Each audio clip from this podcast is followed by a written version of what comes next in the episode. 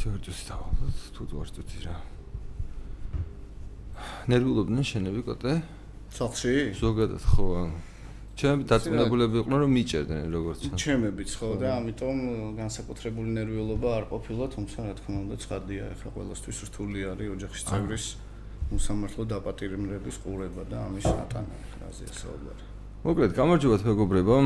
კაი ხანია თავისუფალი ბაზარი არ გქონია მაგრამ ახლა კარგი მიზეზი გქონდეს. აა მიზეზი არის შემდეგი, რომ კოტე ჩვენთან პირველად არის სტუმრად. აა ჩვენ ერთად ვიყავით დაპატიმრებულები ორი დღის წინ და ერთად ვიჯექით ფაქტობრივად თელ დღის განმავლობაში ერთმანეთზე მიხუტებულები 12 ადამიანი 5 კვადრატულ მეტრში. აა ეს ჩვენი პროტესტი, რომელსაც თქვა შედეგად ჩვენი დაპატიმრება მოყვა ძალიან ბევრი ადამიანის ფიზიკური დაზიანება მოყვა. დღეს რაღაცა კონკრეტული ერთი პატარა შედეგით პატარა დიდი შედეგით დასრულდა. და დღეს ჩვენ ვისაუბრებთ როგორც იმ პროცესზე, რომელიც მიმდინარეობდა საქართველოსში ამ ბოლო პერიოდის განმავლობაში, როგორ უყურებს თავის კუთხიდან კოტე, თქვათ, მეც მეც მაქვს ამაზე უკვე პოზიციაში სალაპარაკო ნაკლები მაქვს, იმიტომ რომ დავწერე, მინდოდა რომ დამეწერა ამ შესახებ. და იმედ კოტე ალბათ შენ წაიკითხავდი. წავიკითხე კიდე ძალიან საინტერესო ბლოგი იყო. ხო, მინდოდა რომ უბრალოდ კი არ მელაპარაკა, რაღაც წერილობითად დარჩენილიყო და ერთი დღე ფაქტობრივად დავხარჯე ამას. მე ხომ პოლიციაში თქვი კიდევაც რომ ამ ყველაფერზე და განსაკუთრებით სოსოზე უნდა დავწერო ძალიან საინტერესო. კი, კი, მე შენ გითხარი რომ ხო, ანუ მაგითმა მახარდა რომ იმ წუთასვე გამოსვლისთანავე შეუდექი ამ საქმეს და მართლა ძალიან საინტერესოდ აღწერე ყველაფერი რაც იქ ხდება. კი, მოკლედ ამ თემაზე მინდა კოტეს შენთან საუბარი, ძალიან დიდი მადლობა რომ მოხვდი ჩვენთან. მადლობა და პატიჟებისთვის. ყოველთვის რაღაც სიამოვნებს ხო და მithumetes რაღაც ძალიან სპეციფიური ყოფილა. ეს თანაკამერელების მოკლედ დამეგობრება, იმიტომ რომ მე რაც ნახე იმ სასამართლოს პადვალში, არა მარტო ჩვენს კამერაში, არამედ ზოგადად რა განცდა იყო იმ ადამიანებში. გონია რომ ეს არის ალბათ ყველაზე დიდი ჩვენი მიღწევა, სადაც ადამიანებმა ყველანი ყველანი მივხვდით რა საგიჟეთში ვიყავით და ალბათ ერთმანეთისთვის უახლოესი ადამიანები გავხდით რამოდენიმე საათში. და მგონია რომ აი ეს ეს არის ალბათ ერთ-ერთი დიდი შედეგი რომელიც ამ ჩვენს პროტესტს მოყვა და ეს ადამიანები როცა გამოვლენ ისინი გააჯანსაღებენ უფრო საზოგადოებას ვიდრე ის ოდესმე იყო იმიტომ რომ იქ მართლა ჯანმრთელი ჯანსაღი ადამიანები არიან. ანუ ყველაზე კარგი ადამიანები ყავს დაჯერილი მოკლედ დღეს მე რა მომეწონა ისი მართლა ძალიან ბევრი სხვადასხვა სოციალური სტატუსის ან სხვადასხვა ასე ვთქვათ, აკადემიური წარმომავლობის ან თუნდაც პროფესიის ადამიანი იყო, რომლებმაც რეალურად ერთი მოცემულობა შევქმენით და ყველანი ვიყავით ერთმანეთის გულშემატკივრები და ყველას ქონდა გააზრებული ის, რომ ეხლა საყოველთაო საერთო საქმე კეთდებოდა და გამახსენდა ერთი ძალიან საინტერესო ფაქტი ჩემი ცხოვრებიდან, რომელიც სულ მინდოდა რომ საქართველოში ეს მოცემულობა მენახა და ამის რაღაცა მარცვალი დავინახე იმ დღეს მე სასამართლოს სარდაფში. მე ძალიან დიდი ხნის განმავლობაში ცხოვრობდი ფინეთში, იქ ჩვენ დიპლომატიურ მისიაში ვიყავი ხელმძღვანელი და მყავდა მეგობრები, რა თქმა უნდა, ადგილობრივები. და ერთ-ერთი მათგანი ძალიან ხანგრძლივი პერიოდის განმავლობაში მეუბნებოდა, რომ წამოდი, ჭამოთ ნაყინი, წამოდი ნაყინი ვიყიდოთ. ნუ ახლა ნაყინი მიყვარს, რა თქმა უნდა, მაგრამ ისე განსაკუთრებულადაც არა, რომ ზამთარში წავიდე და კონკრეტულ მისამართზე და ვიყიდო კონკრეტული ნაყინი. Ну ბოლოს როგორც იქნა დამითანხმა ამ ადამიანმა და წავყევი და გზაში მიხსნის ახლა რომ შენ როგორც ჩანს ახალ ამბებს არ გაეცანიო? ორი ფინელი ბიჭი წავიდაო სიცილიაში რომელიც არის ნაყინის სამშობლო ისწავლეს ნაყინის კეთებაო და ჩამოვიდნენ ახლა პატარა საწარმო გახსნეს. და ვინაიდან დამწყები ბიზნესი არის მათ ახლა გაძლიერება სჭირდებათო და ყველანი მივდივართ და თვითონ ნაყინს ყიდულობთო გარდა იმისა, რომ იმ ქალაქში მაცხოვრებლებმა იყიდეს თვითონ ნაყინი ხა ერთი საზღვრიდან მეორე საზღვრამდე არის 1500 კილომეტრი, იქიდან ვინ ჩამოვიდოდა, ხო, ამ ნაყინის საყიდლად. სუპერმარკეტებმა იქედან შეუკვეთეს დიდი რაოდენობით ნაყინი და ადგილზე 1500 კილომეტრის მოშორებით ადამიანი რო გამოვიდოდა სახლიდან, შევიდოდა სუპერმარკეტში და ძალიან მარტივად და კომფორტულად იყიდიდა ამ ნაყინს. და ერთი კვირის განმავლობაში დაახლოებით 5 მილიონი ერთეული ნაყინი გაყიდა კომპანიამ, რომელიც იყო სულ რაღაც რამდენიმე დღის დაარსებული და რა თქმა უნდა ეს არის ძალიან დიდი ფინანსური ინექცია, ისეთი კომპანია ფინანსური დახმარება ამ ინექციის საშუალებით ისეთი კომპანიისთვის, რომელიც ახალი გახსნილი არის და ნუ ძალიან კარგი და ისეთი შესაშური სასტარტო პირობებია. ანუ ფინელები ერთმანეთზე ზრუნავენ ესე. და რაღაცა სულ მინდოდა რომ საქართველოსში ყოფილიყო ის დამოკიდებულება ერთმანეთთან, ის ურთიერთობები ერთმანეთთან, რომ ერთმანეთის სიძლიერე გვიხაროდეს, იყოს win-win მიდგომები ყველაფერ ყველაფერზე, რომ აი შენც უნდა გამარჯვებული გამოხვიდე, მეც გამარჯვებული უნდა გამოვიდე და საბოლოო ჯამში ქვეყანამ უნდა იხეიროს ამ ყველაფრისაგან და ზუსტად ამის მარცვალი დავინახე მე სასამართლოს სარდაფში, როდესაც სხვადასხვა ადამიანები, სხვადასხვა წარსული, სხვადასხვა არ ვიცი მე, პოლიტიკური შეხედულებები, სხვადასხვა პროფესიის ადამიანები ერთ საქმეზე ერთი სურვილის ირგვლივ ვიყავით გაერთიანებული. სხვათა შორის ალბათ ძალიან ისეთი ნიშანდობლივი ის იყო, რომ ადამიანების ნაწილი ну, შემთხვევით იყო რა მოხვედრილი და მიუხედავად ამისა, ჩვენ შორის განსხვავება ფაქტობრივად ძალიან სწრაფად წაიშალა. ანუ ყველა გასაკოლასთვის გასაგები იყო, რომ მიუხედავად მიზეზისა თუ რატომ ვიყავით იმ სარდაფში, ყველანი აღმოჩნდით ერთი და იგივე მდგომარეობაში და ის პრობლემა მიუხედავად იმისა რომ შეიძლება ეს ადამიანები აქციაზე არც ყოფილა და აქციის შესახებ არც იცოდნენ. იყვნენ ესეთებიც ხო იყვნენ ასეთებიც. საბოლოო ჯამში გამოვიდა რომ ეს საერთო პრობლემა იყო თითოეული ჩვენთაგარისთვის მიუხედავად ჩვენი დამოკიდებულების ამა თუ იმ წარმოდგენისა ცხოვრებაზე იქნებოდა თუ იმ კონკრეტულ ფაქტზე რის გაპროტესტების გამოც მე და შენი ვიყავით ხო? ძალიან ნუ მოკლედ თუ თუ რამე იყო რაღაც მასწავლებელი ჩემთვის იყო ის განცდა დამოკიდებულების მართლა აი ჩვენი კამერიდან თუ გახსოვს როცა უკეთეს პირობებში თავაზობდნენ რომ გადადითო სხვა კამერაშიო გათავისუფლდა ადგილიო ადამიანები არ მიდიოდნენ. ანუ არ ტოვებდით ხო არ ტოვებდით ერთმანეთს. გეგონება რაღაც გვერდზე კამერაში რო გავსულიყავით იქიდან მე ვერ გამოვიდოდით და ვერ დავალაპარაკებდით მაგრამ მართლა ეს ბუნებრივი ადამიანური განცდა ძალიან ძალიან სასიამოვნო მოგონებათ დამრჩება. ну მსგავსი რაღაცა არ შემხვედრია რა მაინტერესებს შენი დამოკიდებულება ნუ თქვათ ეხლა რომ გაგვაქვს საშუალება რომ შვიდათ უკვე რაღაც რეტროსპექტიულად შევხედოთ განვლით დღეებს კონკრეტულად მაგ აქციას თქვათ როგორ მოხვდით იქ რა ნუ რა რა გვინდოდა იქ მოკლედ რას ვაკეთებდით? და მე გადავიდეთ უკვე შეფასებაზე თუ თქვათ ამ აქტივობამ ამ კონკრეტულმა კონფლიქტმა სამოქალაქო საზოგადოებასა და ხელისუფლებას შორის რა ცვლილების შანსი გააჩინა ამ ქვეყანაში და თქვა როგორ აფასებ შენ ამას და მე როგორ ვაფასებ და რაღაც მაგრამ თავიდან დავიწყებ როგორ მოხვდი საერთოდ იმ ავტობუსში ყვითელ ავტობუსში რომელშიც თავიდან ვერ შეგამჩნია მაგრამ ბოლოსში გაყოფილებაში აღმოჩნდით გვერდი გვერდი. მოხვდი სრულიად შემთხვევით რა თქმა უნდა აქციაზე მივედი საკმაოდ გააზრებულად ზუსტად ვიცოდი რასაც ვაპროტესტებდი და რატომაც მივდიოდი უბრალოდ მომენტი ჩემი დაკავების იყო ცოტა უცნაური. მაინც რომ ჩამომიყალიბო, ანუ გასაგებია ხო, მაგრამ მაყურებლისთვის, ჩვენი მსმენელებისთვის რომ ჩამოაყალიბო, საერთოდ ჩემი დამოკიდებულება იმ კონკრეტული პროტესტის მას, რომელიც იმ დღეს იმართებოდა და მე უკვე კონკრეტულად როგორ დაგიჭირეს, ეგეც გითხრა.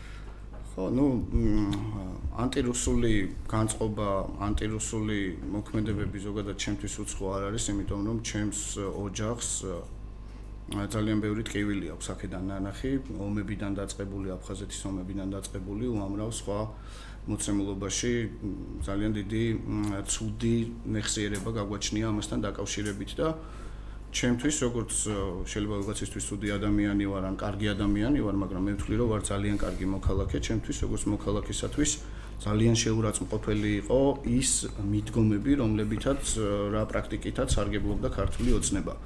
ვიღაცამ შეიძლება გავრილოვის კონკრეტული ვიზიტი გააპროტესტა და ის არ მოეწონა რაც შემდგომში მოხდა, მაგრამ ჩვენ ქართული ოცნების მხრიდან მუდმივად ხედავთ კოლაბორაციონისტულ ნაბიჯებს და ჩემთვის როგორც პოლიტიკურ პარტიასთან ძალიან ახლოს მდგომი ადამიანისთვის ყოველთვის ნათელი იყო თუ რას აკეთებდა ქართული ოცნება. აა ჩვენ დღემდე არ გვაქვს სამწუხაროდ კალაძის მიერ გასპრომთან დადებული ხელშეკრულების ტექსტი, ანუ რაზე შეთანხმდნენ, თუმცა ყველამ კარგად ვიცით, რომ ეს არის საქართველოსთვის წამგებიანი ხელშეკრულება და უამრავი მსგავსი რამ ჩაიდინა ქართულმა ოცნებამ და ეს გავრილოვ გავრილოვ გახარიას ღამე ეს იყო უბრალოდ ერთ-ერთი ეპიზოდი იმ ძალიან დიდი ისტორიისა, რასაც ქართული ოცნების კოლაბორაციონისტული ქმედებები შეიცავს.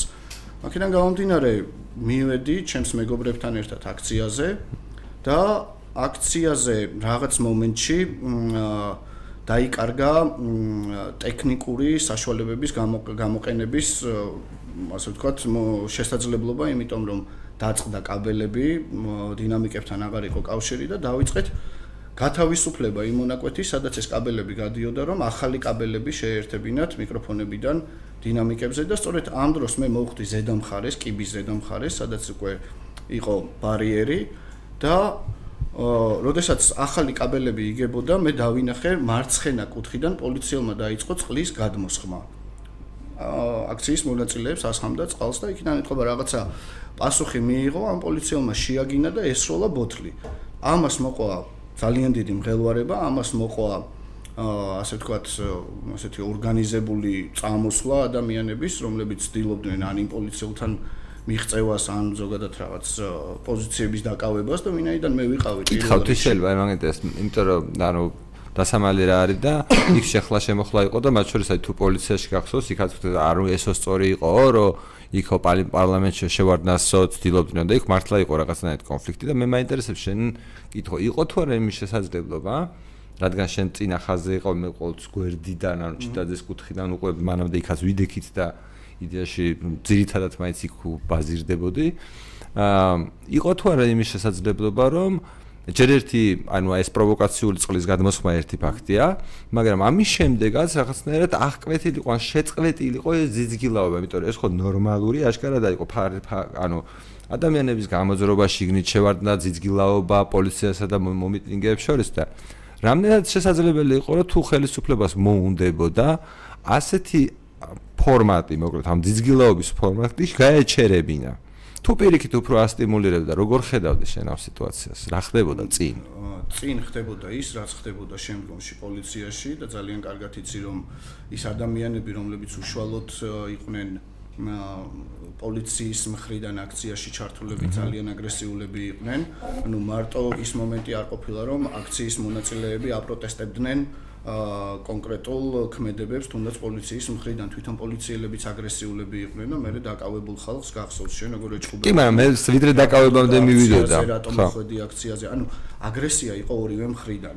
აქ არ ყოფილა არანაირი მცდელობა სახელმწიფოს მხრიდან, რომ ეს რაღაცა აგრესიული ფონი ჩაეკრო და რაღაცნაირად თანამშრომლობაზე ყოფილიყო ორიენტირებული პოლიციისა და ადამიანების იმ კონკრეტულ ხაზზე დაწყნარება სიტუაციის და რაც ცივილიზებული გზების მოძებნის არანაირი მცდელობა არ ყოფილა. იქიდან იყო პოლიციის მხრიდან აგრესია, ირთმევინებოდნენ, ისროდნენ რაღაც საგნებს, წყალს ასხამდნენ, იგინებოდნენ რაც მთავარია.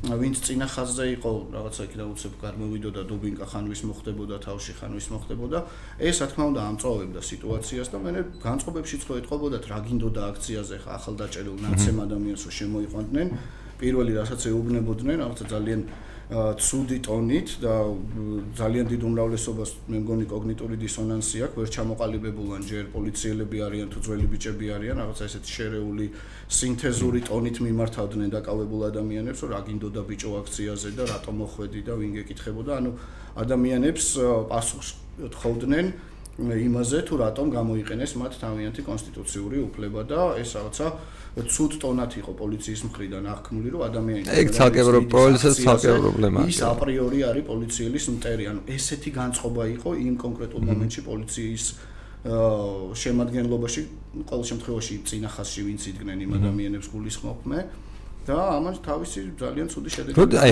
ხო ხალხი ამიტომ რომ როდესაც ესეთი სიტუაცია ნებისმიერი პროვოკაცია ისედაც მოსალოდნელია ხო არც ერთ ხარეს რო არ უნდა და შეიძლება მესამე ხარიდან გაიჩიტოს რაღაც მოულოდნელი პროვოკაციული მოქმედება, რომელსაც ვერც ერთი მხარე ვერ აღკვეთავს. ფაქტიურად ამაზე ნებისმიერ შემთხვევაში ხელისუფლებას ეკისრებოდა პასუხისგებლობა მანამდეც, რომ ეს ძიძგილაობა აღეკვეთა. მართლა ერთი მეგობარი მეუბნებოდა კოტე, რომ რომ გამოსულიყო ვინმე ერთი ადამიანი და რომ ეთქვა, რომ რაც მოხდა, მოხდა გავიგეთ ეს რაღაცა სისულელე ჩავიდინეთ, ეს ვიღაცა რუსი ჩამოვიდა, მივხვდით რომ გაბრაზდით, ოკეი. მაგრამ აი ეს პროცესი, რომელიც ახლა მიდის, ეს არის მთელი ქვეყნის საწინააღმდეგო პროცესი, რომელიც შეიძლება ჩვენო ტერმა ყველაზე კარგად გამოიყენოს, ხო?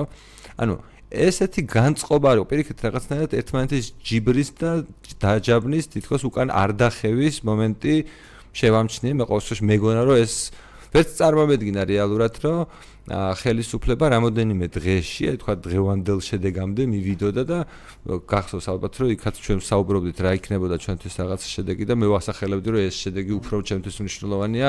ვიდრე თქვა რა ვიცი, გახარიას რომ უნდა გადადგეს ეს ყოველთვის გასაგები არ შეიძლება რომ შინაგან საქმეთა მინისტრი ბრალდებული და ეჭვმიტანილი იყოს მოქალაქეების რა ვიცი, იმაში რა ქვია თვალების დათხრაში და ღმერთმა დაიფაროს და ვინმეს დაღუპვაში. მე ვერც კი წარმომიდგენია, თქვა ეს მოთხოვნა რანაირად შეიძლება თავარი ყოფილიყო, იმიტომ რომ ნუ კონკრეტულ ადამიანზე ხო საუბარი და ჩვენ რაც ნახეთ, ჩვენ ნახეთ რომ თელი სისტემა ჩადიოდა სისხლის სამართლის დანაშაულს. მე და შენ ერთი და იგივე ვუთხარით ჩვენს ჩვენს პოლიციელებს, როდესაც ისინი გვთავაზობდნენ ისეთ რამეზე ხელის მოწერას, რომელსაც რომელიც ბუნებაში არ ყოფილა, ხო? და ეს ნიშნავს რომ ამ ადამიანებს იმით რატო არ ეშინიათ? გარანტია აქვს რომ მთელი სისტემა მათ დაიცავს და არ გაწირავს იმიტომ რომ დასაჭერი გახარია კი არ არის მხოლოდ ყველა მისი თანამშრომელია, რომელიც ამ პროცესში იღებდა მონაწილეობას, ზოგი უფრო მკაცრად იქნება დასაჯელი, იმიტომ რომ გარდა რაღაცა დავალების შესრულებისა, ეს დავალება ბევრად უფრო ენთუზიაზმით შეასრულა და ვიღაც ადამიანებს კიდე რაღაც დაუს, ხო? ხო. და ჩვენ რაც ვნახეთ, კიდე ყველა არ იყო ესეთი, ანუ პოლიციელებიც ბედნიერები არ იყვნენ ყოველ შემთხვევაში მასიურად, ხო, მასიური არ იყო პოლიციაში ეს რაღაც გარდა რომ რა კარგია რომ ხალხი ვცემეთ, ან რა კარგია რომ თქვენ ახლა ჩვენ დაჭერილები ყავხართ. მე არ შემიმჩნევია.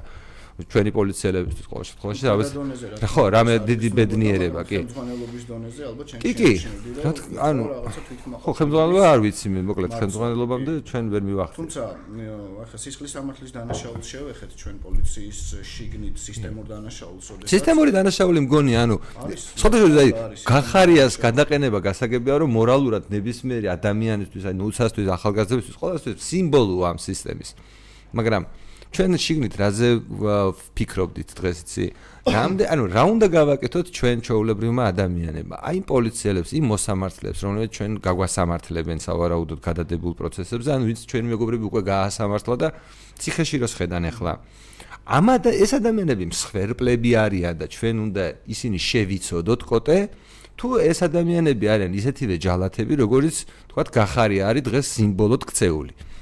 ანუ როგორი დამოკიდებულება არის სწორი ამ ადამიანების მიმართ, ჩვენი პოლიციელების მიმართ, რომლებიც ფორმალური გაგებით ჩვეულებრივი სისხლის სამართლის დამნაშავეები არიან, მოსამართლის მიმართ, რომელიც ასევე ჩვეულებრივი სისხლის სამართლის დამნაშავეა და ეს ყველაფერი აი გახსოვს წინა ხელისუფლების დროს სისტემური დანაშაული რაღაც სისტემური რაღაცებს ვლაპარაკობთ. აი კონკრეტული მაგალითია, ყველაფერი ცხადია, ყველა ვნახეთ, არავის ამაში ეჭვი არ ეპარება. სრული აბსურდია ამის საწინააღმდეგოს მტკიცება. ეხლა ჩვენზეა გადაწყვეტილება, როგორი დამოკიდებულება გვექნება ამ სისტემის მიმართ. შენ როგორი დამოკიდებულება? მე ხა ჩვენ მაყურებელიც ყავს და უფრო ცხადი რო გახდეს. აბა შეეცადე რომ რაც მე ვერ შევძელი, შენ ახსნა. მაგის უფრო ცხადი რო გახდეს, რაზე საუბრობთ, ხო რაღაც სისხლის სამართლის დანაშაულებებზე საუბრობთ, ამის სისტემურობაზე საუბრობთ.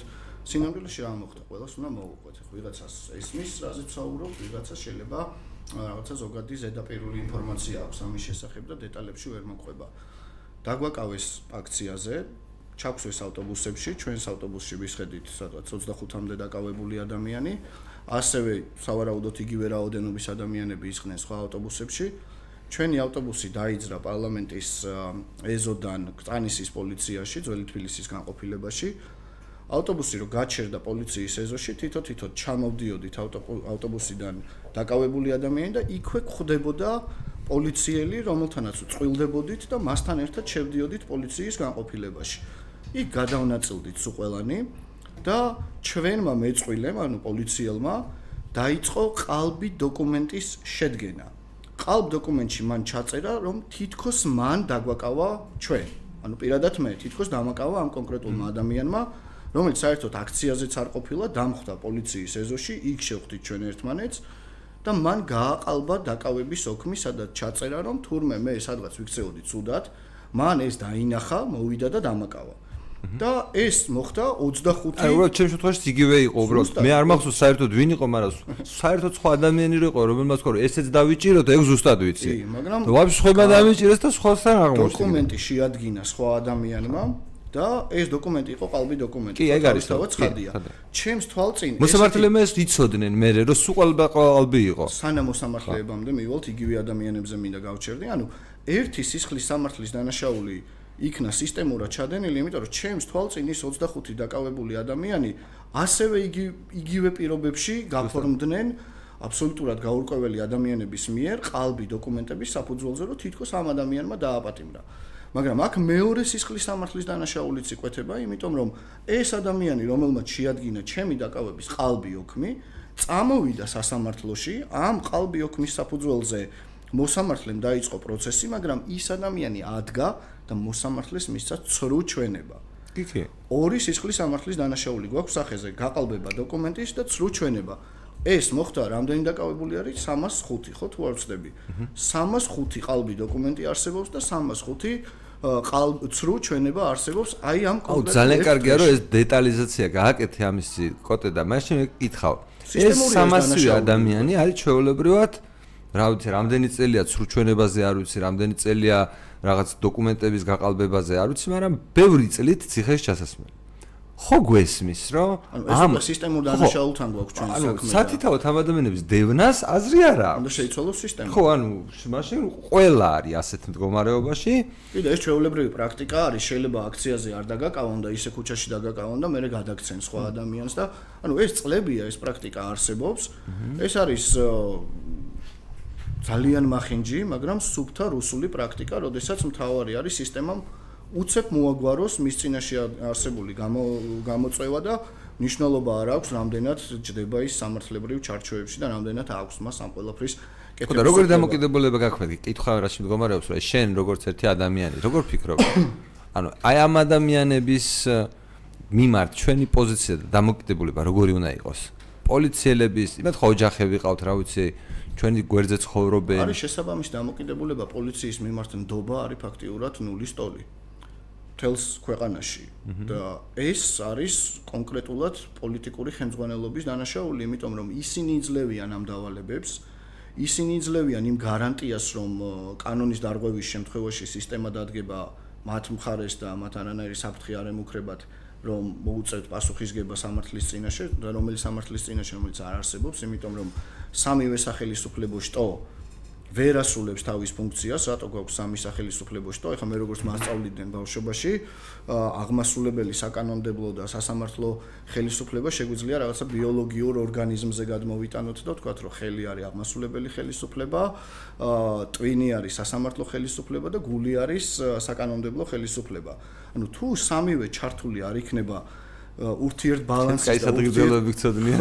ურთიერთ კონტროლის მექანიზმის განმტკიცების მიზნით, ხო, ხა მარტო ტვინი და ხელი რო ჩართო საქმეში, მან შეიძლება ძალიან დიდი უბედურება ჩაიდინოს, მარტო გული და ხელი რო ჩართო საქმეში, ასევე დიდი უბედურება შეიძლება ჩაიდინოს, მაგრამ როდესაც გონება აბალანსებს გულსაც და ხელსაც და ეს სამი მუშაობს სინქრონში, მაშინ ადამიანი დგამს ძალიან ადეკვატურ და ძალიან ნორმალურ ნაბიჯებს, ხო?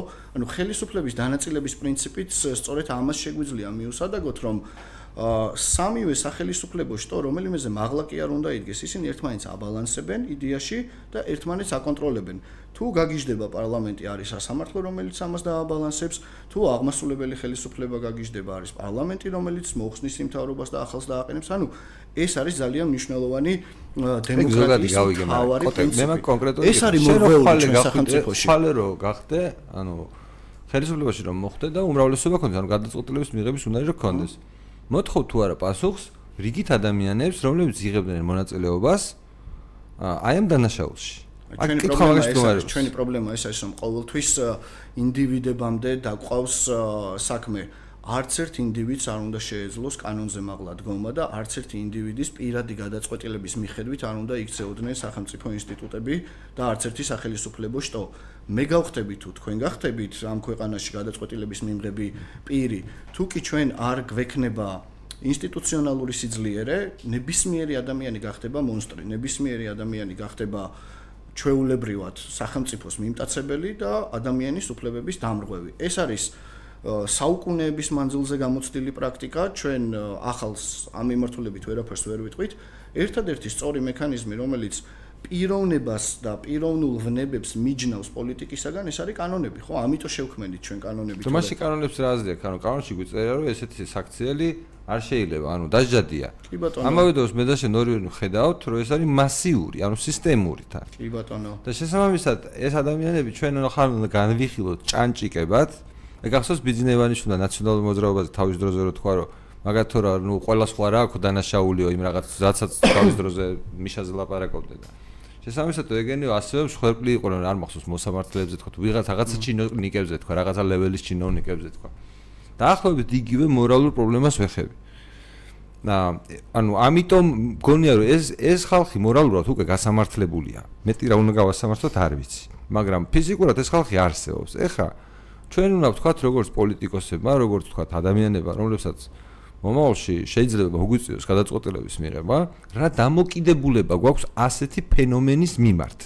იმიტომ რომ ჩვენც მოგვიწევს რაღაც სისხლის სამართლის კოდექსში იქნება სავარაუდოდ მუხლი, რომელიც პოლიციელის მიერ ცრუ რაღაც მოწმეობას და ასე შემდეგ დაჟჯად ქმედებად გამოაცხადებს, ხო? ეხლაც გვაქვს, მაგრამ აზრი არ გააჩნია, იმიტომ რომ 100% ასეთია. ანუ გამოდის რომ ამ პოლიცია უნდა გავაუქმოთ დღევანდელი ფორმით, როგორც ასეთი ან თუ მას არ გავაუქმებთ ვიღაცას იმის გამო რომ ეს აქ შეწყდეს მსგავსი ტიპის დანაშაულის ჩადენა ანუ ჩვეულებრივი ანკლავია დანაშაულის ჩვენი პოლიცია და სასამართლო სისტემა მაშინ ვიღაც ადამიანებსაც უნდა დავაკისროთ პასუხისგებლობა. სხვათა შორის მართლა მაგ მაგ საკითხზე ახლა მორალურად ვფიქრობ რა არის სწორი და არა სწორი. მართლა მაინტერესებს. და აქ რამე დიდი ფილოსოფია და მის შედარება კი არა გვაქვს. ჩვენ ადამიანად შენ როგორც კოტე იოსერიას ადამიანს ერთად. როგორი განწყობა გინდა ამ ხალხის დასჯა? იცით რა ხა პირადად არავისთან არანაირი პრეტენზია არ გამაჩნია ესე თუ ჩამოყვებით პიროვნებებამდე მაგრამ მე კი გამაჩნია მაგრამ აი არ ვიცი ამდენად აზრიანია კონკრეტული პიროვნებები არსებობენ რომლებიც ამ სისტემას ამყარებენ ამ სისტემის შენარჩუნებისათვის იბრძვიან ამ სისტემის შენარჩუნებისათვის ხარჯავენ სახელმწიფო ხაზინის კუთვნილ თანხას, რომელიც არის ჩვენი გადასახადებიდან შეგროვებული. და ჩვენ თავისუფლების წინააღმდეგ იყენებენ. ჩვენსავე თავისუფლების, ჩვენსავე უფლებების წინააღმდეგ იყენებენ ამას ყველაფერს, რა თქმა უნდა, ამ ყველაფერზე ადამიანებმა უნდა აგონ პასუხი და პასუხი უნდა აგონ არა ჩემი და შენი ხელით, ან ჩემი და შენი განწყობით მათ მიმართ, არამედ იმ საკანონმდებლო სისტემით, რა საკანონმდებლო სისტემაც გვაქვს. აქედან გამომდინარე, საზოგადოების საზოგადოების პასუხისგებლობა არის უკვე რომ მოიყვანოს ისეთი ხელისუფლება, რომელიც დაიცავს კანონებს. წინააღმდეგ შემთხვევაში ის ხელისუფლებაც ისეთივე გახდება, თუ კი საზოგადოებრივი კონტროლი არ იქნება სახელმწიფოს მხრიდან კანონების შესრულებაზე, იმიტომ რომ კანონები ხე რაღაცა შეიძლება ბანალურად ჟღერს, მაგრამ ძალიან ნიშნულოვანი რამ არის ჩვენ გვახსოვს შუა საუკუნეებში კიდევ უფრო ადრეულ პერიოდში, როდესაც მონარქები, რომლებიც ერთპიროვნულად მართავდნენ სახელმწიფოებს, საკუთარი გადაწყვეტილების ამებრ იღებდნენ ისეთ გადაწყვეტილებებს, რომ რაღაცა მეზობელ სახელმწიფოსთან დაეწყოთ ომი თუ არ დაეწყოთ, ხო? ასევე ლეგენდები გვახსოვს, რომ ერთმა მეფემ მეორე მეფესთან იმიტო დაიწყო ომი, რომ იმის ცოლი მოწონდა და წამოყვანა უნდა და ნუ უამრავი ზღაპრული თუ ნახევრად ზღაპრული თუ ნახევრად მართალი ამბები გვახსოვს. კაცობრიობამ სწორედ ამიტომ შექმნა კანონები, რომ ადამიანური ვნებები, ადამიანური რაღაცა გადახრები გაემიჯნა მისი პოლიტიკისაგან. ეხლა წარმოიდგინეთ, თავდაცვის მინისტრს რო არ მოწონდეს, არ ვიცი, ალბათ მელოტი ადამიანები რო აღიზიანებდნენ და ერთ დღესაც უთხასიაძე მივიდა სამსახურში და უბძანა შეიარაღებულ ძალებს, რომ ვისაც ნახავთ მელოთ ადამიანს დაახრიტეთ ქუჩაში. ხო ყოფილა ესეთები კაცობრიობის ისტორიაში. სწორედ ესეთი ქმედებებისაგან დასაცავად შეიქმნა კანონები, რომ ადამიანური ვნებები, ადამიანური სურვილები გაიმიჯნოს რეალური პოლიტიკისაგან და ცივილიზებულ სამყაროში ეს მუშაობს, ძალიან კარგად მუშაობს. ეხლა ჩვენი ჯერი არის, რჩებით ისევ ამ შუა საუკუნეობრივ მიდგომაში, როდესაც არსებობს კასტა ადამიანებისა, რომლებისთვისაც კანონი არაფერს არ ნიშნავს და მათ შეუძლიათ კანონის დაარღვიონ და შეუძლიათ არ დაარღვიონ, თუმცა არსებობს ადამიანების კატეგორია, რომელიც აუცილებლად უნდა დაემორჩილონ კანონებს. ხო, სხვათა შორის პიტერ პომერანცევმა დაწერა ძალიან საინტერესო წიგნი მოგზაურობა რუსეთში, სადაც ეს მიმართულება აქვს კარგად აღწერილი თუ რა ხდება რუსეთში და ზუსტად იგივე მოდელი გადმოიტანა ივანიშვილმა საქართველოსზე. ანუ შენ უნდა აკრძალო მაქსიმალურად ყველაფერი კანონის დონეზე, და უნდა შექმნა კასტა ვისთვისაც ეს აკრძალვა არ იმოქმედებს. და იმ კასტამაც იცის რომ ყოველდღიურად რო ჩადის დანაშაულს მე ხემძღვანელს თუ არ მომეწონება ყოველთვის მაქვს იმის საფუძველი რომ ისინი დავაპატიმრო იმ უკვე წარსულში დარღვეული დანაშაულებების გამო. და ეს მოქმედებს ეს სისტემა დღეს საქართველოში. ჩვენ ვიცით უამრავი სახელმწიფო მოხელე რომელიც ხილებულია კორუფციაში, თუმცა არანაირი რეაგირება არ ყოფილა სახელმწიფოს მხრიდან. ჩვენ ვიცით ასევე ნარკომანიის მიმართულებით, თუ ნარკოტიკებთან დაკავშირებული დანაშაულებების მიმართულებით გახმაურებული საქმეები, რაზეც ადამიანები პასუხს არ აგებენ. ვიცით ძალიან ბევრი кейსი, სადაც კანონი დაირღვა, ინფორმაცია ზედაპირზეა, თუმცა სახელმწიფოს მხრიდან არ არსებობს რეაგირება. აი ეს არის ყველაზე მთავარი. ჩვენ გვჭირდება კანონები, ამ კანონების შესრულება და ეს კანონები უნდა იყოს სამართლიანი, დემოკრატიული და თავისთავად ცხადია ადამიანის უფლებებზე მორგებული, ხო? ადამიანის უფლებებზე ყველა ვარიანტში იქნება კანონები მორგებული, იმიტომ რომ ჩვენი კონსტიტუცია თავის თავში გულისხმობს იმას, რომ არის დემოკრატია ყოველ შემთხვევაში სიტყვების დონეზე. აქედან გამომდინარე, ნებისმიერი კანონი, რომელიც ჩვენს ქვეყანაში იქნება მიღებული, უნდა გამომდინარეობდეს კონსტიტუციიდან, ან უნდა შეესაბამებოდეს მას. და კონსტიტუცია როდესაც არის დემოკრატიული, არადემოკრატიული კანონის მიღება წარმოუდგენელია და შეუძლებელია. მქონია მე და შენ მაგ თემაზე, მაგრამ არა. შეუძლებელია, ხო, არა უშავს ახლა ეს ძალიან კარგია პრინციპში რომ სხვადასხვა შეხედულებები გვაქვს, მაგრამ რა არის სახელმწიფო, ხო? სახელმწიფო ეს არის ხალხის მიერ შექმნილი მექანიზმი, რომელიც ითვალისწინებს რას? კონკრეტულ ტერიტორიაზე გენერირებული სიკეთეების ყველაზე თანაბრად გადანაწილებას.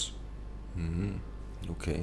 ძირითადი ძირითადი სიკეთე ძირითად სიკეთეებს გულისხმობ, ანუ რა დანიშნულება აქვს სახელმწიფოს, რომ იყოს მაღალი სოციალური სტატუსი ბავშვებისთვის. იყოს ხელმისაწვდომი განათლება ახალგაზრდა ადამიანებისთვის, იყოს დასაქმების პერსპექტივა ყველა ასაკის ადამიანებისთვის და პენსიონერების კმაყოფილების ინდექსი იყოს მაღალი. ანუ ეს ოთხი ძირითადი საყრდენი არის ნებისმიერი სახელმწიფოსთვის დღეს, რისთვისაც ქმნის ხალხი სახელმწიფოს. ყველაფერი დანარჩენი იქნება ეს ეკონომიკური პოლიტიკა, ენერგეტიკული პოლიტიკა, საგარეო საშინაო არ აქვს მნიშვნელობა. საბოლოო ჯამში უნდა ემსახურებოდეს ამ ოთხი საყრდენის გაძლიერებას. ისე მაგ საყრდენებს მე დავუბრუნდეთ, მაგრამ აი მე ერთ ნაბიჯი გადავდგათ ჩვენ იმას რო არ გავცდეთ ძალიან. მაგაში უბრალოდ სხვადასხვა აზრი გვაქვს და ეს მაგის კამათისთვის დრო დაკარგვა დაკარგვა არ მინდა. მაგრამ აი ჩვენმა ამ პროტესტმა, რომელსაც თქვა აი რასაც რასაც ყვევით, აჩვენეს ეგეც მნიშვნელობა, რომ ჩვენ სახელმწიფოში ყველა საყრდენი არის მორყეული, არც ერთი კანონის დაცვა არ ხდება სახელმწიფოს მხრიდან, იმიტომ რომ ეხა კანონები გვაქვს უამრავი. და კანონების 90% ადამიანებისთვის კი არ არის განკუთვნილი, განკუთვნილი არის სახელმწიფოსთვის. ჩვენ აპრიორი, რასაც გვიგზავნოს კანონი, ის არის ჩვენთვის შეზღუდული, რასაც კანონი არ გვიგზავნოს, ის არის ჩვენთვის დაშვებული და სახელმწიფოს შემთხვევაში არის პირიქით. სახელმწიფოს ნული აქვს თვით შემოქმედების და თვით ოპერირების თავისუფლება. სახელმწიფოს სტრუქტურებმა უნდა აკეთონ მხოლოდ ის, რასაც მათ ავალდებულებს კანონი. ეს ახლა არის არეული ჩვენ სახელმწიფოში, იმიტომ რომ არც ერთი სახელმწიფო სტრუქტურა არ ჯდება თავის საკანონმდებლო ჩარჩოში და ძალიან ხშირად გვაქვს ფაქტები, როდესაც თვით ინიციატივების პერსონალური გადაწყვეტილებების საფუძველზე კონკრეტული ინსტიტუციები ახორციელებენ ძალიან აა მიუღებელ ქმედებებს, რაც შემდგომში მთავრდება ისე, როგორც დამთავრდა მაგალითად 20 ივნისის აქცია. ეს არ არის რაღაცა კონტექსტიდან ამოგლეჯილი დღე. ეს არის იმის შედეგი, როგორი ინსტიტუციონალური სისტემაც გვაქვს ჩვენ სახელმწიფოში და ზუსტად ისეთივე გარღვევები და გადაცდომები არის ყველა სფეროში, ავიღოთ განათლება, ხო? ანუ თუ შევადარებთ სიმძიმეს, რაც პოლიციამ ვერ გააკეთა და უნდა გაეკეთებინა 20 ივნის, ზუსტად იგივე აცდენაში არის რეალობასთან განათლების სამინისტრო, ზუსტად იგივე აცდენაში არის ეკონომიკის სამინისტრო, ზუსტად იგივე აცდენაში არის ყველა სახელმწიფო უწყება. ეს არის ჩვენი ქვეყნის პრობლემა და არა კონკრეტული გადავიდოდეთ. პრობლემა. კი კი მესმის ანუ რასაც იმაშევი, მაგრამ ეხლა წარმოვიდგინოთ ესეთი რაღაცა, რომ აი ამ პროცესის შედეგად, ამ პროტესტის შედეგად ჩვენ რაღაცა შედეგი უკვე მივიღეთ. კონკრეტული შედეგი შეფასება მაინტერესებს. ეს შედეგი არის პარლამენტის თავმჯდომარის გადაყენება და მეორე შედეგი დღეს დაიდო 12 საათზე, როდესაც ჩემი აზრით მნიშვნელოვანი რამე მოხდა ამ ქვეყნის მთლიანად ისტორიაში. გადავდივართ თუ ეს ვთქვათ მივიყვანეთ ბოლომდე ის დაპირება, რომელიც ხელისუფლებამ ამ პროცესის შედეგად გასცა, ანუ ფაქტობრივად ჩვენ ეს მივიღეთ როგორც ჩვენი პროტესტის მიღწევა. პროპორციული და ხო ხო და მაგიტომ მაინტერესებს შენი დამოკიდებულება თქვა ამ კონკრეტულ პირველ და მეორე ფაქტთან ხა პირველი არ ამგონია შენთვისაც დიდად მნიშვნელოვანი იყოს ხა პარლამენტის თავმჯდომარე იქნება კობახიძე თუ არ იქნება. მგონი მაგაზე საერთო აზრი გვაქვს მაგრამ მეორე უფრო მაინტერესებს როგორ უყურებ. შენ და ალბათ შენი პარტიაც მაინტერესებს როგორ უყურებთ, იმიტომ რომ მიხეილ სააკაშვილის გამოსვლა ვნახე. და რომლითაც ის თითქოს მაყოფილი არ ჩანს ამ კონკრეტული გადაწყვეტილებით და მინდა რომ განგვიმარტო თქვენი დამოკიდებულება პროპორციული უბარიერო სისტემის მიმართ. ამას ჩვენ ვითხოვდით, როგორც გახსოვს მე ციხეში გიოს ლაპარაკობდი რომ ეს არის მეთქი თავარი და ეს უნდა მივიღოთ მეთქი. მაგაზე მქონდა პატარა განსხვავებული მოსაზრება, მაგრამ დრო არ ქონია რომ სერიოზულად მაგაზე გვემსჯელა. და ეხლა გვაქვს შესაძლებლობა რომ მოგისმინო დეტალურად როგორ მომიწვია როგორც კოტეიოსელიანი და არა როგორც პარტიის სპიკერი ამიტომ არა არა მე კოტეიოსელიანი მოგიწვია მართლა გაგიცი ხო არა მაგრამ რადგან ვიცი რომ პარტიული ადამიანის ხარ ანუ რა ტიპის პასუხი გაინტერესებს? ჩემს ჩემი პირადი შენი პირადი შეხედულება მაინტერესებს. არა თუ თუ ეს ერთხელ ეცხოვა ხო გვეტყოდი რომ რა შეერთხვა და დანარჩენი დია შენი აზრი მაინტერესებს. კი ბატონო არა მე პრობლემა ჩვენ ვისაუბროთ როგორც ორმა დამოკიდებულება ნაციონალური მოძრაობა სამსაქმეში. საკნის მეგობრები ვლაპარაკობთ იმაზე, შედეგებზე. ეს გადაწყვეტილება იქნება თუ არა? მისაღები გადასაწყვეტი არის იმ აქტორების, რომლებიც ჩართულნი იყვნენ ამ პროცესებში, კერძოდ ის პოლიტიკური პარტიები და სამოქალაქო საზოგადოების ის წარმომადგენლები, რომლებიც მთელი ამ დღეების განმავლობაში მართავდნენ მიტინგს, რომელიმე პოლიტიკურმა პარტიამ თავის თავზე აიღოს ის, რომ მისაღებიან ულოვანი ბარიერი თუ არ არის მისაღები, ეს ანემაჩი. პირადი აზრი მითხარი, არ გვინდა. ჩვენთვის ეს პირადი აზრი, მე ვთვლი, რომ ბიძინა ივანიშვილი ახაც თაღლითობს ულოვანი ბარიერის შემოთავაზებით. რა ნაწილში? რა ნაწილში თაღლითობს და გვთავაზობს მაჟორიტარულ სისტემას, ოღონდ აბსოლუტურად სხვა ფორმატით, აბსოლუტურად განსხვავებული, ასე ვთქვათ, პოლიტიკური შეფუთულობით, თუმცა ძალიან კარგად გვინახავს ჩვენ. ყოველ შემთხვევაში მე და შენ გვახსოვს შეორნაძის პირველი პარლამენტი, სადაც ნულოვანი ბარიერით იყვნენ პარტიები გასული, რამდენად ეფექტური და რამდენად ქმედითი იყო ის. ანუ იგივე მოდელის პარლამენტს გვთავაზობს ჩვენ ბიძინა ივანიშვილი, სადაც არ ვიცი რამდენად ჩართული იქნება ყველა ის მექანიზმი, რომ არ მოვიდეთ ისევ იმ რა პრობლემა ჭირდა მე მაშინ არ ვიყავი და ჩართული პოლიტიკა არ მაინტერესებდა ნუ იდე სტუდენტი ვიყავი მაგ პერიოდში და აა შენი აზრით ანუ რა ისეთი მინუსები აქვს ამ სისტემას რომელიც თქვა 20 ეხლა ანუ მაშინ არ მახსოვს ეხლა დასწრებს კონკრეტულ მინუსებზე გამიჭirdება საუბარი და ჯობია ექსპერტებმა ისაუბრონ თუმცა ზოგადად თუ შევაფასებთ ჩვენ მოცემულობას ჩვენ მივიღებთ იგივე მაჟორიტარებს, ოღონდ სხვა მოცემულობით, სხვა შეფეთქებით. მაჟორიტარებს როგორ მივიღებთ ამ თელ საქართველოში? ანუ ფაქტობრივად გამოდის, რომ ერთ ადამიანს უჩდება შანსი, თუ მაჟორიტარს მაგას დავარქმევთ, რომელიც არის 20000-მდე ადამიანს თუ ანუ Facebook celebrity რო იყოს, მოკლედ ესეთი Facebook celebrity, რომელსაც ძალიან ბევრი follower-ი ყავს, ეს ადამიანი შეიძლება აღმოჩნდეს პარლამენტში. იმედია ესეთი ადამიანები აღმოჩნდებიან პარლამენტში და არა ესეთი ადამიანები, რომლებიც ლოკალურ დონეზე დაიწყებენ პარტიების შექმნას. ეხო ესე ანუ დღეს ხო ეს ნამდვილად არსებობს ეს სისტემა. სუსის და იგივე მეთოდების გამოყენებით მაჟორიტარი გავა თუ მაჟორიტარის უკან მდგარი რაღაცა იურიდიული პირი ამ ფორმატში არ გადაითარგმნება ის ინიციატივა, რასაც გვთავაზობს ბიძინა ივანიშვილი. ამიტომ მიძახი რომ ჯობია ამაზე ისაუბრონ ექსპერტებმა. ამის უარყოფით მხარეებზე, მაგრამ მე პირადად შინაგანი განცდა მაქვს ისეთი, რომ ბიძინა ივანიშვილი ამ შემთხვევაშიც თაღლითობს, მას ძალიან კარგად აქვს გააზრებული, რაც შემოთა რაც შემოგთავაზა ყოველას ერთად მთელს საზოგადოებას, ვინც ვითხოვთ პროპორციულ სისტემაზე გადასვლას და ახაც გვატყუებს. ახაც ახაც გვატყუებს იმ იმათობით, რომ ხო ვითხოვ, ანუ შეინარჩუნოს არის ვინმე ვინც არის ითხოვს აი ამ პროპორციულ სისტემას პროპორციული სისტემას ვითხოვთ ამ მიმართულებით გამარჯვება გვაქვს შუალედური უკვე. აქ ახლა კონკრეტულ დეტალებზე არის საუბარი რა უფრო მომგებიანი იქნება საზოგადოებისათვის და არა მხოლოდ ივანიშვილისათვის. და ამაზე ექსპერტებმა უნდა გააკეთონ თავისი ასე ვთქვათ შეფასება მე და შეხო ექსპერტები არ გვინდა. ჩვენი აზრი მე თუ მკითხავ მე გეტყვი ჩემას უბრალოდ ანუ წარმოვიდგინოთ რომ ეხლა ჩვენ გვაქვს ეს ერთი კობახიძის შედეგი ეს გინდა შუალედური დავარქვათ რაც გინდა დავარქვათ შედეგი მაინტერესებს შენ რომ დაკმაყოფილებული იყო. ნუ მე მაგალითად ვუყურებ ამ სიტუაციას ესე რომ პირველი ეს იყო ჩემთვის თქვათ პრინციპული მნიშვნელობის მეორე ჩემთვის არის სიტყვის თავისუფლება რომ არ შემოტრიალდეს ის რაც მე და შენ შეიძლება ნებისმიერ დღეს დაგმართოს ანუ თუ მაგალითად შეურაცხყოფის კრიმინალიზაციაზე წავიდე ისევ საუბარი ვიდრე აი ეს აქციები დაიწყებოდა მანამდე მთელი 10 დღის განმავლობაში რაზეც მედიაში მიდიოდა ერთი ამბავი რო თქვა შეურაცხყოფის გამო ცენზურის ფაქტია ცენზურის დაწესება უნდა და ეს მიცემდა ბერკეტს მაშინ უკვე ამ სისტემას რო ეს სისტემური დანაშაული ნებისმიერი ჩვენთაგანის წინააღმდეგ ჩაედინა. აი თუნდაც მე რო ბლოგი დავწერე ხო ნებისმიერ ადამიანს ვიღაც ადამიანს შეიძლება შეურაცხყოფილად განიხილოს და გააჩნია ვინ არის მოსამართლე. ანუ მოსამართლის შემთხვევაში ჩვენ არანაირი იმედი არ გვაქვს რომ რაიმესთან მას რაიმე სამართლიანობასთან ექნება კავშირი ჩვენ თითოეული ჩვენთაგანი გავხდებით ფაქტიურად საკნის მუხშირი სტუმარი, ხო? არც არის აუცილებელი რომ ეგ არის მე ჩემი მეორე მოთხოვნა და გახარია, გახარია რომ ეტყვა გემოვნების ამბავია და მაგალითად ჩემი გემოვნებით შეუძლებელია ქვეყნის შინაგან საქმეთა მინისტრი იყოს ეგეთი ადამიანი. როგორიც არის, აი რა ვიცი, რამშოლობა. ვერ წარმომიდგენია, რომ რომც დარჩეს ის მინისტრის პოსტზე, რაიმე წონა კიდე შეიძლებაოდეს ასეთ ადამიანს კონდეს და აი შენი პოზიცია მახსოვს რომ გახარიო ძალიან მნიშვნელოვანია რომ უნდა გადადგესო და აი მაგნაწილებს რომ აი პრიორიტეტებს როგორ ალაგებ ახლა?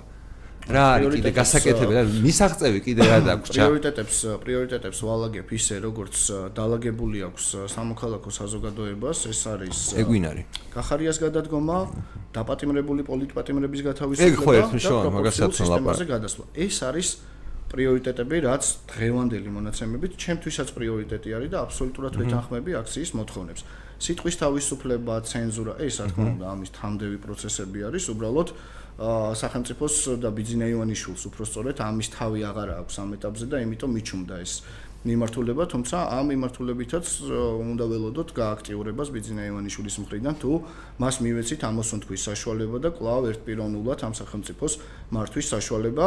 და რაც შეეხება ახლა ბლოგი დავწერეო და ვიღაცა შეუძლია მიჩივლოსო, არ არის აუცილებელი მართლაც ვიღაცას გული ეთკინოს და წავიდეს გიჩივლოთ, თუ სახელმწიფო იქნება დაინტერესებული იმაში, რომ პირადად ჩვენ გაგასამართლოს შენი ბლოგის გამო, ჩვენ ასევე დაუბრუნდით იმ დანოშიკების და ანონიმშიკების პრაქტიკას, ოდესაც იაკერზაიას საქმე შეგვიძლია გავიხსენოთ, არარსებული ადამიანი მივიდა კონკრეტულ უწყებაში, შეიტანა დანოსი, ასე ვთქვათ, როგორც იყო მაგალითად რეპრესიების დროს და ამ დანოსის საფუძველზე იაკერზაიას მოუწყვეს ის, რაც მოუწყვეს. ხომ მე როცა გამოვიკვლიეთ აღმოჩნდა, რომ ეს ადამიანი საერთოდ არ არსებობს, აი ესეთი სახელი და გვარი და იქ არის პირადი ნომერი ამითითებული. ასე რომ ეს ცხადია ხო, გახარიას მეთოდი არის ეს, რომ შეუძლია არარსებული ადამიანი არარსებულ ადამიანს დააწერინოს შენზე კონკრეტულად რაღაცა გულისწყრომა და ამ გულისწყრომის საფუძველზე სახელმწიფო მოგთხოვოს პასუხი. ეს არის იმაში ჩვენ რო ვიყავ, ჩვენ მეგობარი ესტრებოდა, ჩვენ რო გველოდებოდა, ჩვენ სასამართლოს ხდომას რო ველოდებოდა, მანამდე ესტრებოდა სასამართლოს ხდომებს და სხვა დაპატიმრებულების. და ის მიყვებოდა რა. ერთი ადამიანი იყო, აი ჩვენ მეგონი ჩვენ მოსამართლესთან, რა ვიცი თან ვინც ჩვენ გაგვასამართლა. ერთი ადამიანი იყო ხელოსანი, რომელიც რაღაც მეგობართან რაღაც საღამოს რაღაც ცვავდა თუ რაღაც დროს ატარებდა. მე მოკლედ ეს სიტუაცია იყო ესეთი რომ ის აი პოლიციელები ჩაოლებრად როგორც დაესხნენ რაღაც თავს ეს მე მეგობარს თან მივიდა თუ რაღაცა მოკლედ ეს ადამიანი დაიჭირა ეს თავი გაუხეთქეს რა. და მოკლედ ის კაცი იძახის რომ მე ისეთი მოწმუნე ადამიანი ვარო და არასოდეს არ ვიგინებიო რა. ჩემი რწმენიდან გამომდინარე არ შეიძლება არ წარმომიდგენო პირადი პრინციპი არ ვიგინებიო და ის არისო კიდეო ამიტომ ვერ შევაგინებდიო, მაგრამ რო შევაგინებო, შენ თავი ნახეთო, რას მიგავსო რა, ახლა ჩვენ მე რო არ ვიყო ასეთი წვენის ადამიანიო და სიტყვაზე რაღაცა რომ შევაგინებინა მე რა თავი მაქო გახეთკილიო. მოსამართლემ რა უთხრა ისე თორემ. გინებაო მხოლოდო სიტყვიერი არ არისო. შენო იქნება რამე ჟესტით ისაქენიო, მიაყენეო, შეურაცხყოფაო. ანუ ჩვენ მასშტაბები გვაქვს, ბლოგი კი არ არის საუბარი და რაღაც, ანუ მასშტაბები გვაქვს, შეგვიძლია კიდე უარესი რაღაცა გავიდეთ და შენთვის შენ ანუ მე რას კითხავს გისვავდი? აზრის პოლიცია შეგვიძლია ჩააყო ანუ ხო სულ სიგიჟემდე შეგვიძლია მივიდეთ არ არის აუცილებელი რომ რამე კონკრეტული ეწეროს. მათ შორის აი ხათ თელი სოსოსის ამბავი. სოსოს ამბავი ხო იმაში მდგომარეობს რომ ეს ადამიანი რანაირად როგორ გავგიჟდით ჩვენ ყველანი რო ის დავიჭირეთ როგორც პოლიტპატიმარი. ანუ აი წარმოიდგინე ხო მთელი ამ აბსურდულობის რაღაც თავდაპირად ყირადგება მართლა ყველაფერი და თან ეს ადამიანი იქ კონკრეტულად რა თქმა უნდა აი ეს ხო ადასტურებს იმ კანონის სისულელეს კრიმინალური სამყაროს წევრობაზე რაც აქვს მიღებული როგორც სიტყვის თავისუფლების წინააღმდეგ მიმართულ კანონზე. ადამიანს თუ დანაშაული არ აქვს ჩადენილი ფიზიკურად, მაგრამ რაც არ უნდა ელაპარაკოს, ხო შეიძლება ეს ყველაფერი მისი ფანტაზია იყოს. როგორ შეიძლება ამის გამო ადამიანის დაჭერა? ამიტომაც გველაპარაკებოდა ორველი აზრის პოლიციაზე და ეს აზრის პოლიცია ხო არ არის მარტო ფანტაზიის ნაყოფი, ეს აზრის პოლიცია რეალურად მოქმედებს დღეს ჩვენ შინაგან საქმეთა სამინისტროში, იმიტომ რომ შინაგან საქმეთა მინისტრს კერძოდ გახარიას აქვს იმის თავისუფლება, რომ გამოიგონოს პიროვნება, ამ გამოგონილ პიროვნებას დააწერინოს საჩივარი და იაკერზაია იქნება თუ შენ იქნები შემდგომში სახელმწიფოს მექანიზმების გამოყენებით მოგთხოვოს პასუხი ეს არის აზრის პოლიცია არის იმიტომ რომ ბლოგს დაწერ, გაიფიქრებ რაღაცას, ინტერვიუში რამე სიტყვი თუ ქუჩაში უბრალოდ უჩვეულოდ გაივლი, თავარია ეს არ მოვიდეს კონფლიქტში გახარიას პირად ინტერესებთან, თორემ ნებისმიერი მეთოდი შემდგომში არის მისაღები. სწორედ ეს არის პრობლემა. იქ კონკრეტულად ეხლა კანონში, რაზე ჩვენ საუბრობთ, როგორი ფორმულირება ექნება ამას მიცემული თავისთავად ცხადია რომ ცუდი ვერ ექნება და ჟღერადობის დონეზე იქნება ძალიან კარგი კანონი და იდეის დონეზე ძალიან კარგი კანონი, მაგრამ ყველაზე მთავარი არის ის პირადი ვნებების გამოყენების საშუალება რამდენად ექნება ნებისმიერ შინაგან საქმეთა მინისტრს ან ნებისმიერ განათლების მინისტრს იმისა რომ თავისი პირადი შეხედულებები ჩააქსოვოს სახელმწიფო პოლიტიკაში. ეს არის ჩვენ ქვეყანაში ყველაზე დიდი უბედურება და ეს არის ერთადერთი აა ასე ვთქვათ, პრაქტიკა, რაზეც რითაც მუშაობს და არსებობს ოლიგარქია.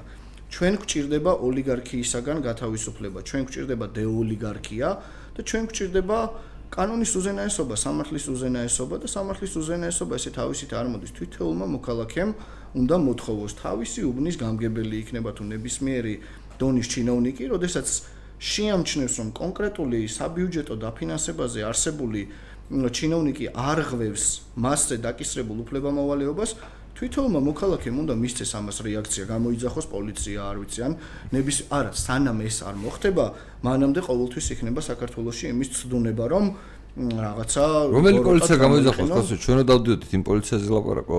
ხო და ეს უნდა შეიცვალოს ამაზეა საუბარი ხო როგორ უნდა შეიცვალოს? ერთადერთი პასუხისგებლობა აკისრია საზოგადოებას ამაზე ხო? ეხლა მე მაგალითისთვის ეხლა სახელს და გვარს არ დავასახელებ, ვინ თქვა ეს, მაგრამ ზოგადი განწყობილება ჩემთვის არის იმის მანიშნებელი, რომ საზოგადოების დიდ ნაწილში, ან ყოველ შემთხვევაში სახელმწიფო სისტემაში დასაქმებული ადამიანები ფიქრობენ ასე, რომ აი მაგალითად ნინო ანანიაშვილი უნდა მოხსნათ ბალეტის დასის ხელმძღვანელის თანამდებობიდან, იმიტომ რომ მისი ქმარი იყო ოპოზიციური პარტიის საპრეზიდენტო კანდიდატი და ეს ეხლა მუშაობს იმ თანამდებობაზე, საიდანაც კონკრეტული პარტიიდან ვითომ იღებს ხელფას. ანუ ქართული ოცნება და სახელმწიფო გააერთიანა და ის ვინც ქართულ ოცნებას იდეის დონეზე უპირისპირდება, არ შეიძლება მუშაობდეს სახელმწიფო სამსახურში, იმიტომ რომ ქართული ოცნება უხდის მას ხელფას. ანუ სიგიჟე ხო, აბსურდული შეხედულება არის რეალურად, მაგრამ ეს ყოველდღიურად მუშაობს ჩვენს იმაში, რა ქვია, ბიუროკრატიაში. ეს არის სისტემა, რითაც არსებობს დღეს ჩვენი სახელმწიფო და იმიტომაც ვართ ისე დღეში, როგორ დღეშიც ვართ. აქ თითეული მოქალაქის ჩართულობა არის საჭირო, ანუ ადამიანებმა უნდა გაიაზრონ ის, რომ მათი ქვეყნის ბედი არის მათ ხელში. და ეს თავისი მოქალაქეობრივი სტატუსი არის ძალიან სერიოზული იარაღი იმისათვის, რომ პირადად თავისთვის და ზოგადად იმ სოციუმისთვის, რომელსაც მიეკუთვნება, იყოს კანონის უზენაესობა, როგორც ერთ მხარეს, ასევე მეორე მხარეს. სახელმწიფო როგორ შეიძლება ახლა ყველა ჩინოვნიკი დღეს გვიყურებს ზემოდან, ხო? განსაკუთრებით რაიონებში რო გახვიდეთ, რაიონის გამგებელი როგორ უყურებს ჩეულებრივ სოფლის მოსახლეს მე ბევრჯერ მაქვს ნანახი თითქოს რაღაცა განსაკუთრებული პრივილეგიებით სარგებლობს და რაღაცა ლეგიტიმაცია აქვს ციურ ძალებთან. ეს განწყობა არსებობს და ეს განწყობა უნდა წაიშალოს და ეს განწყობა უნდა მოიწოს. მოდი ეს ჩვენი საპროტესტო აქციის თემა რო ბოლომდე ამოვწუროთ. რა დარჩა შენთვის ისეთი, რომელსაც კიდევ ელი ხელისუფლებისგან, რათა განგიჩდეს განცდა, რომ ჩვენმა პროტესტმა საბოლოო შედეგი, ის შედეგი გამოიღო, რომელიც ჩვენ გინდა. ანუ ამისთვის რა არის საჭირო? კიდევ ვთქვათ, აი გახარიასთან მიმართებაში შეიძლება სხვა კიდე რამე მოთხოვნა გაქვს, ანუ არაფერი ის როგორ დასრულდეს ეს ყველაფერი ეს ძირითადად მოთხოვნები ამ ეტაპზე რაც არის არის საკმარისი რომ გახარია ჩამოცილდეს როგორც შინაგან საქმეთა მინისტრის პოსტს ასევე მას კიდე ორი ძალიან მნიშვნელოვანი პოსტი უჭირავს.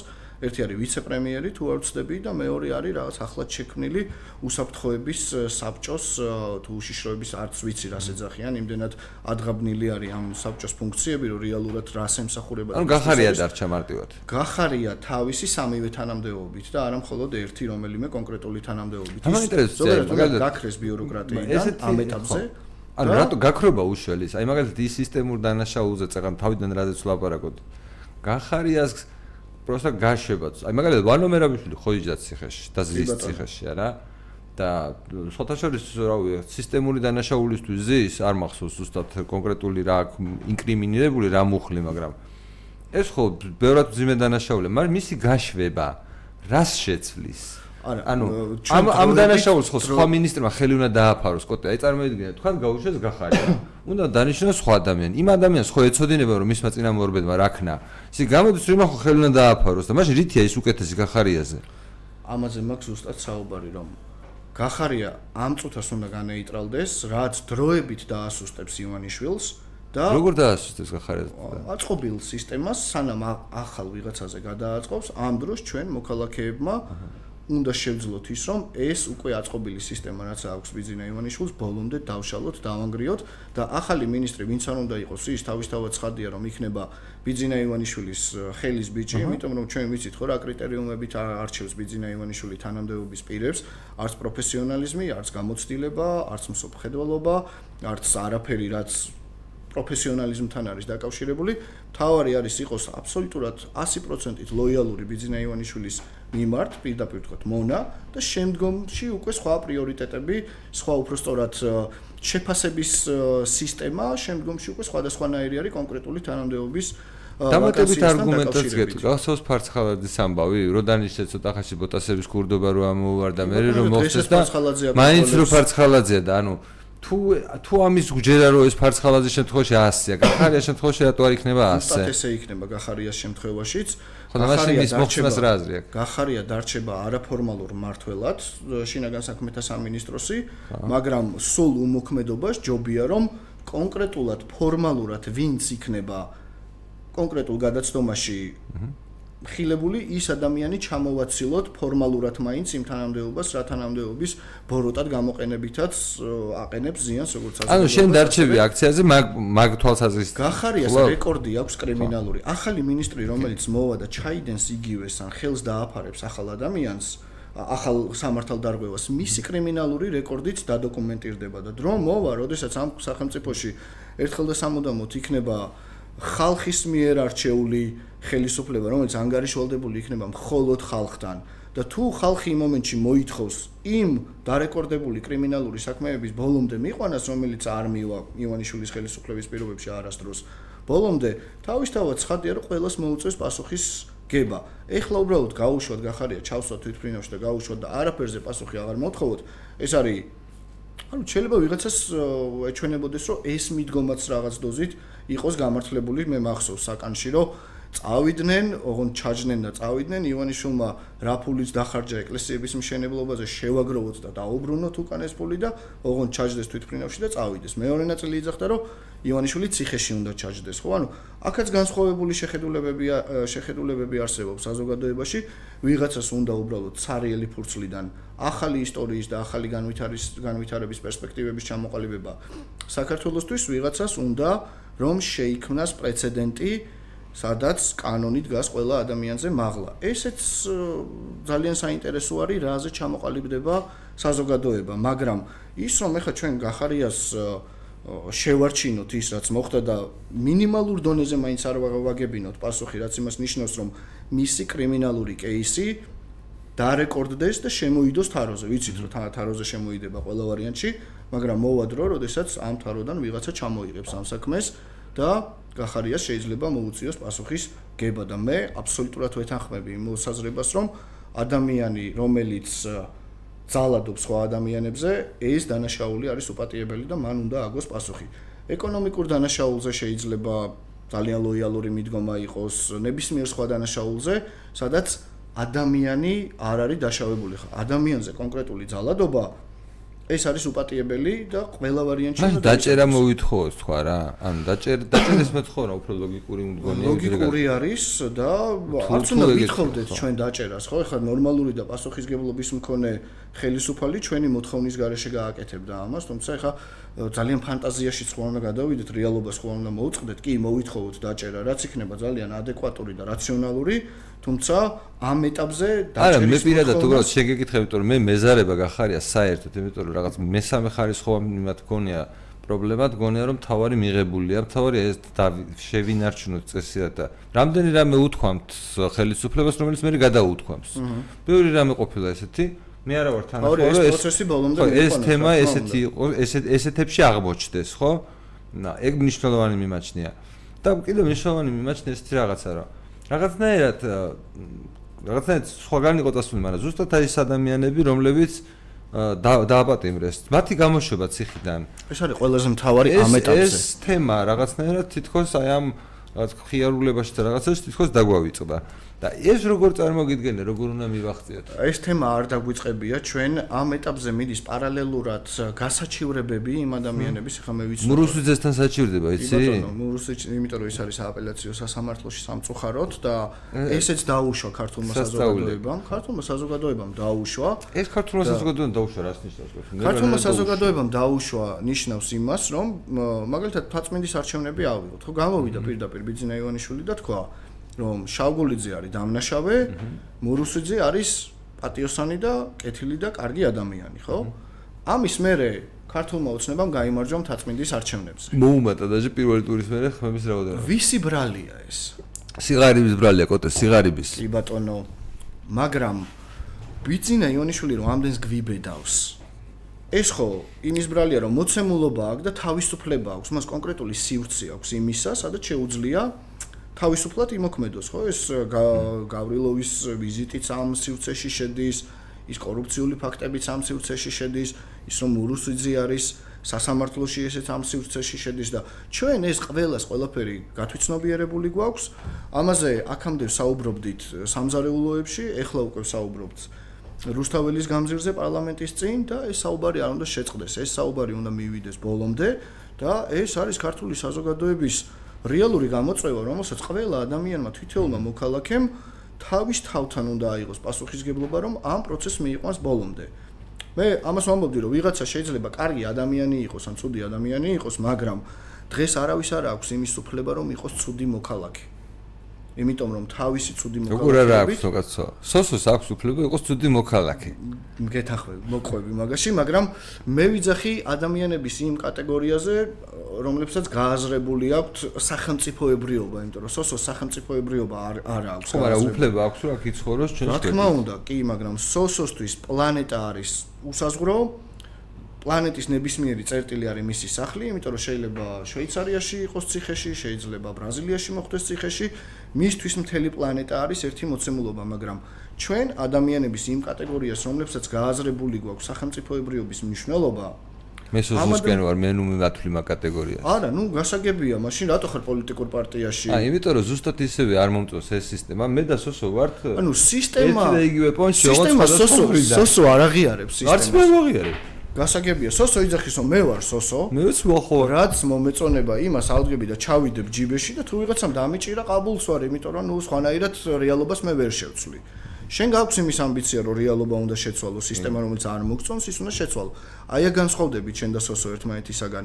და სოსომ მიხედოს თავის ცხოვრებას როგორც მოწონს ისე უნდა იცხოვროს რა თქმა უნდა ჩვენ ორნიც და აბსოლუტურად ყველა ადამიანი ძალიან თავისუფალი არის ამ არჩევანში იქნება თუ არა კარგი მოქალაქე, მაგრამ თუ არ იქნება კარგი მოქალაქე უმრავლესობა, მაშინ შევინარჩუნებთ იმ სისტემას, რომელსაც პირადად ჩვენ ებრძვი.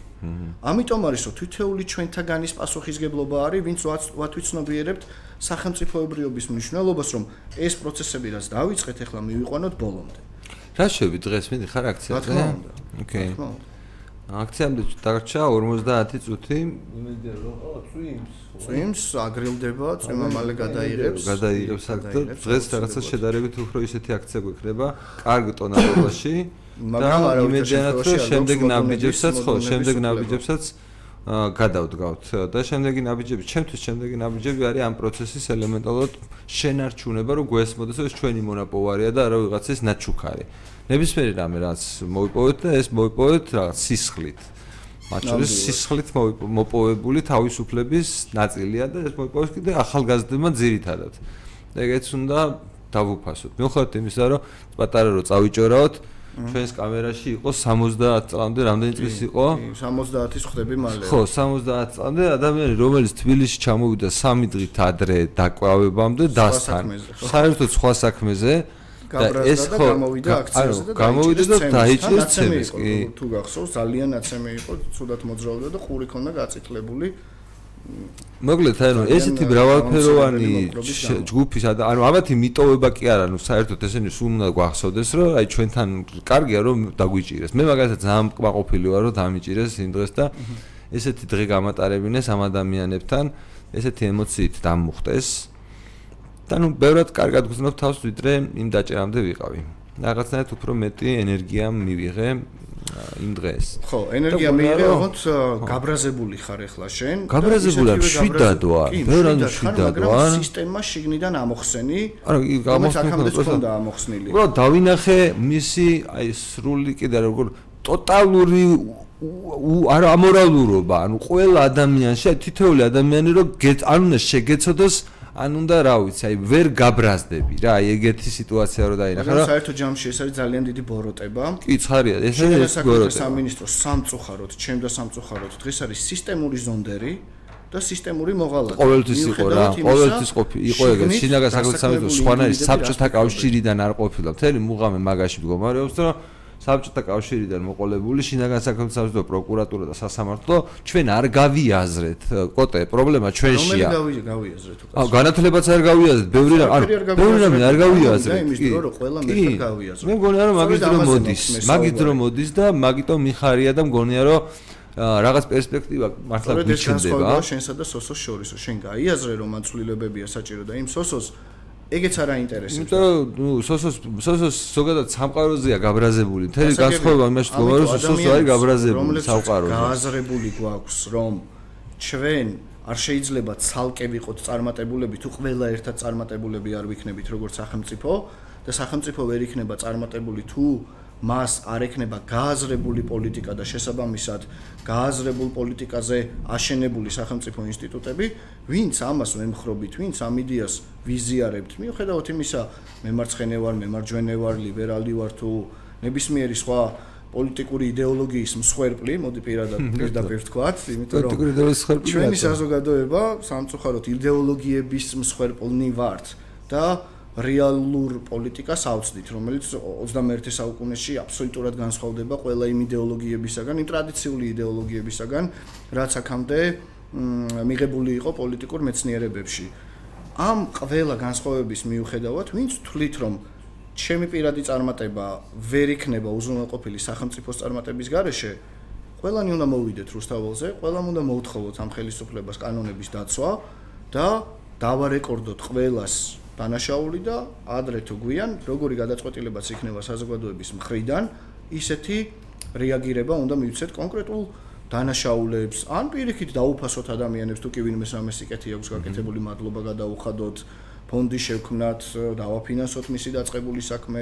მილიონი მიმართულებით შეგვიძლია ჩვენ ვიყოთ აქტიურები იმისათვის რომ ყველანი კარგად ვიყოთ. იმიტომ რომ მე ხშირად გამიგია რომ თქვენი ყავით ახალგაზრდები კარგად და მე აწი ულია გამოვი. ეს ჩემთვის არის მიუღებელი, იმიტომ რომ ეს ქვეყანა არის ჩემი შვილისაც და ბებია ჩემისაც და ჩემიც. და ყველამ თანაბრად უნდა ისარგებლოს იმ სიკეთეებით, რა სიკეთეების გენერირებაც ხდება ამ სახელმწიფოში.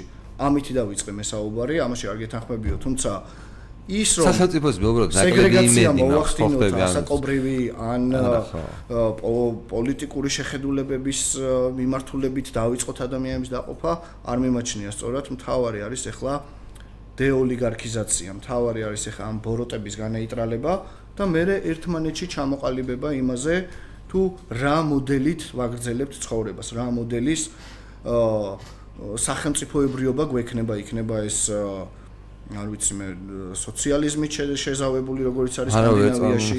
არა, სხვა რამეს გულისხმობ ეხა. რაღაც დოზით ჩემთვის სკანდინავიური მოდელი მომწონს და გეტყვი რატომ მომწონს. შვედეთში არის ბეიბი ბუმი. ელემენტარული მიზეზის გამო, იმიტომ რომ არის დეკრეტული შვებულება 2 წლიანი 80%-იანი ხელფასის ანაზღაურებით. აი ეს მომწონს. ეხა ის 80% საიდან მოდის როგორ მოდის? იმაზე შეიძლება ვიდაოთ იმიტომ რომ რაღაცა შეიძლება უსამართლო იყოს მაგრამ როდესაც ერთ ჩემ მეგობარს ვკითხე ამ ხელა გადასახადებს რატო იხდით მეთქი მან თქვა რომ ეხლა მე ზრუნავ საზოგადოებაზეო და დრო როცა მოვა საზოგადოება იზრუნებს ჩემზეო. იდეაში ეს ჩემთვის მისაღებია, მაგრამ სოციალიზმის რაღაცა ელემენტები კატეგორიულად მიუღებელია, ასევე მემარჯვენე მიმართულებითაც ძალიან ბევრი რაღაცა არის მისაღები და ძალიან ბევრი რაღაცა მიუღებელი, თუმცა ჩემ პირად შეხედულებებს ხო აზრი არ აქვს მნიშვნელობა მე რას ვფიქრობ. აქ მთავარი არის საზოგადოებას შევთანხმდეთ წესებზე და ამ წესებით ვიარო. დემოკრატია ეს არის. წესები და იმათი უმკაცრესად დასჯა, ვინც ამ წესებს არ ღვევს. და წესები უნდა შეთანხმდეს ყველა ადამიანის გათვალისწინებით. კი, აშკარაა, რომ აშკარაა, რომ თქვა ჩვენ რომ რაღაც დიდი ხანი ვისაუბროთ, ძალიან ბევრ იმას შევთანხმდებას აღმოჩნდეთ ერთმანეთთან, მაგრამ რა შემოძეთ მაინც შეთანხმდებით საბოლოო ჯამში. თავარი ჩემი თავარი ჩემი პრობლემაც და ამოცანაც იყო ის, რომ აი ამ საუბრის საშუალება ზოგადად ძალიან იშვიათად მეძლებოდა. ანუ არა მარტო ხელისუფლებასთან, არამედ ზოგადად პოლიტიკურ პარტიებთან და აა ძალიან მიხარია რომ რაღაცნაირად თითქოს თუ ვინმე ახერხებს ამას, თქვა მე ვცდილობ რომ ძალსი რამე მოახერხო რომ საუბარი შესაძლებელი იყოს განსხვავებული შეხედულებების ადამიანების შორისაც, ანუ მარტო ჩემი მონაწილეობით, არამედ სხვა ადამიანების ერთმანეთს ელაპარაკებოდნენ. და ეს პროცესი რომელიც ახლა მიდის რომელზეც დღეს ჩვენ ერთ საათზე მეტი უკვე საუბრობთ ამის ხელი შემწყობია. და მე იმედი მაქვს რომ ჯერ მინდა რომ მადლობა გადაგიხადო კიდევ ერთხელ. მეორეც ერთი მინდა რომ კონკრეტულ საკითხებზე მათ შორის შუადგომლობას გთხოვო იმიტომ რომ თუნდაც ის პარტია რომელთან შენ თან რომელთან შენ თანამშრომლობ ჩემი პარტია გირჩი და რაღაცა ამ ქვეყნიდან გაქრობა სხვა რა ვაპირებთ ანუ შემთხვევაში. ხო რადგან აკვირდან გაქრობას არ ვაპირებთ თქვენ თქვენი მხარდამჭერებს ელაპარაკებით მე ჩემ მხარდამჭერებს ელაპარაკები ძალიან კარგი იქნება თუ მაგალითის ფორმით მაინც თუნდაც იმ ადამიანური ურთიერთობიდან გამომდინარე რომელიც ასე დროს შემთხვევით ყალიბდება ხოლმე ხო? ანუ მართლაც თუნდაც ის ერთი გატარებული ღამე ერთად ჩემთვის უფრო შეიძლება მნიშვნელოვანია ვიღდრე თქვა რაღაც ვიღაცასთან ერთად კონფერენციაზე ყოფნა ერთი კვირის განმავლობაში. ხო ასეა და შესაბამისად ჩვენ ადამიანურად გვაქვს უკვე იმის ლეგიტიმაცია, რომ გამოვიყენოთ ეს ურთიერთობები ჩვეულებრივი საუბრისთვის. ვიცი რა არის ძალიან აშინებს ჩვენ სახელმწიფოში საზოგადოებას სიტყვა პარტია. იმიტომ რომ მემკვიდრეობა გვაქვს ძალიან ცუდი გამოცდილება გვაქვს ძალიან ცუდი მეხსიერება გვაქვს ძალიან ცუდი ამ სიტყვასთან. პარტია დღევანდელ მოცემულობაში არის ძალიან მარტივი რაღაცა. პარტია არის ჩვეულებრივი მექანიზმი იმისათვის, რომ შენ მოახდინო შენი იდეების, ასე ვთქვათ, უფრო სხვა პოლიტიკურ დონეზე გადატანა. აა არჩევნებში მონაწილეობა ეს არის ერთადერთი გზა იმისათვის, რომ კონკრეტული ადამიანების ჯგუფი, თუ კი მათ ადამიანების დიდი ნაწილი, საზოგადოების დიდი ნაწილი უჭერს მხარს თავისი იდეების გამო, მოვიდნენ ხელისუფლებაში ცირე პერიოდით, გააკეთონ თავის საქმე და წავიდნენ. ვერც სამეზობლო ვერც საძმაკაცო, ვერც საბიძაშვილო, ვერც კლასი, კიდე რა ის გვაქვს მიკროსოციუმები. არჩევნებში მონაწილეობას ვერ მიიღებს. არჩევნებში მონაწილეობას იღებს მხოლოდ და მხოლოდ პოლიტიკური პარტია და ამ პოლიტიკურ პარტიებში ცალსახად ცხადია რომ სხვადასხვა ადამიანები წევრიანდებიან ზოგი თქვენს პარტიაში, ზოგი ჩემს პარტიაში, ზოგი სხვა პარტიაში, მაგრამ ეს პარტიული რაღაცა საზღვრები მე მთავრდება იქამდე რომ ერთმანეთთან კომუნიკაციაში გვიშლის ხელს. და ეს ყველა უნდა მე არ მიშლის არაფერი ხელს მე არ მიშლის მაგრამ კომუნიკაცია ეს პრობლემა ეს პრობლემა ხო ეს პრობლემა რო არის ჩემი მხრიდან არ არსებობს ეს პრობლემა. არასოდეს არაც არსებულა და მინდა რომ დახმარება გქონდეს ჩვენი გამოწვევა არის რომ ეს ბარიერები, ხელოვნური ბარიერები, ფსიქოლოგიური ბარიერი, ეს მეტი არაფერი არ არის, მხოლოდ და მხოლოდ ფსიქოლოგიური ბარიერი არის, რომელიც არის ძალიან მარტივად გადალახვადი და პრინციპში ეს ხდება ახლა რუსთაველის გამზირზე. ეს ხდება რუსთაველის გამზირზე. სადაც ადამიანები არანაირი პარტიულობით ერთმანეთისაგან გაყოფილები არ არიან და მთავარი არის გამაერთიანებელი ის მართალი სამართლიანი იდეები, რაც რაც გვაერთიანებს ყოველას ერთად იქ. აა მე კიდევ ერთხელ ამ იმ ადამიანებს ავიც მოვიკითხავდი კიდეც და კიდევ ერთხელ ვისურვებდი რომ აუ ის ყოველი წუთი რომელიც გადის და ესენი რაღაცნაირად თითქოს ჩემი ბრალიც არის და აუ შევეცადოთ რომ ხვალ დილიდან კიდე უფრო რაღაც მოვიფიქროთ და გავაკეთოთ რომ ეს ძალიან მაწუხებს ერთი რაღაცა მინდა გითხრა ხა ჩვენ მეტნაკლებად კმაყოფილი ვართ პროცესით იმიტომ რომ ვიცით რომ პროცესი მიმდინარეობს არავინ უკან დახევას არ აპირებს და მე ძალიან ვარ დარწმუნებული და ბოლომდე ვარ იმაში დარწმუნებული რომ ჩვენ ჩვენს მოთხოვნებს შევასრულებინებთ ბიზინა ივანიშვილს იმ სამ ძირითად მოთხოვნას რაზეც ჩვენ საუბრობდით თუმცა იმას შეიძლება ყველა სხვადასხვანაირად ხედავდეს. ყველაზე მეტად გული მწყდება იმ ადამიანებზე, რომლებიც საკნებში არიან. ეხლა რამდენად ინფორმირებულები არიან, იმიტომ რომ მე და ტელევიზორები არა. არანაირი ტელევიზორები, არანაირი კავშირი გარესამყაროსთან. მე და შე რო ვიჯექით, ფიქრობდით, ეხლა ნეტა რა ხდება რუსთაველზე? მოვიდა ხალხი ისევ, არ მოვიდა, ანუ აბსოლუტურ იზოლაციაში ვიყავით, საინფორმაციო იზოლაციაში, თუმცა ჩვენ მაინც გქონდა რაღაც ფანჯრები. და ამ ადამიანებს ეს ფანჯრებიც არ აქვს, უკვე მეხუთე დღე არის საკნებში, 5 კვადრატულ მეტრში რამდენიმე ადამიანი ზის, არც ჰაერი, არც საკვები საკმარისი, არც პირობები და მათზე ჩვენ არ ვიცით სცენარიაში როგორ პირობებში შედან ისინი, იმიტომ რომ აუ მე მგონია რომ გადაეტვირთულების გამო კიდე თვილის გარეთ სად არიან და როგორ არიან არ ვიცით. კი, სამწუხაროდ კარგი იქნება თუ მაგ ინფორმაციას მოვიკითხავთ და უნდა მოვიკითხოთ. და მოვიკითხოთ და მე რაზეც გული მწყდება ასევე რისი თქმაც მინდოდა აა შეიძლება შესაძლოა ვწდებოდე, მაგრამ ის რომ 6-7 საათის შემდეგ დაიწყო მასიურად ხალხის გათავისუფლება, რა თქმა უნდა, იმის შედეგია, რაც სამოქალაქო საზოგადოების აქტიურობამ გამოიღო შედეგად, მაგრამ ასევე 6 საათამდე ვინც გაუშვეს იზოლატორებში, იზოლატორებში უბრალოდ ადგილი აღარ დარჩათ.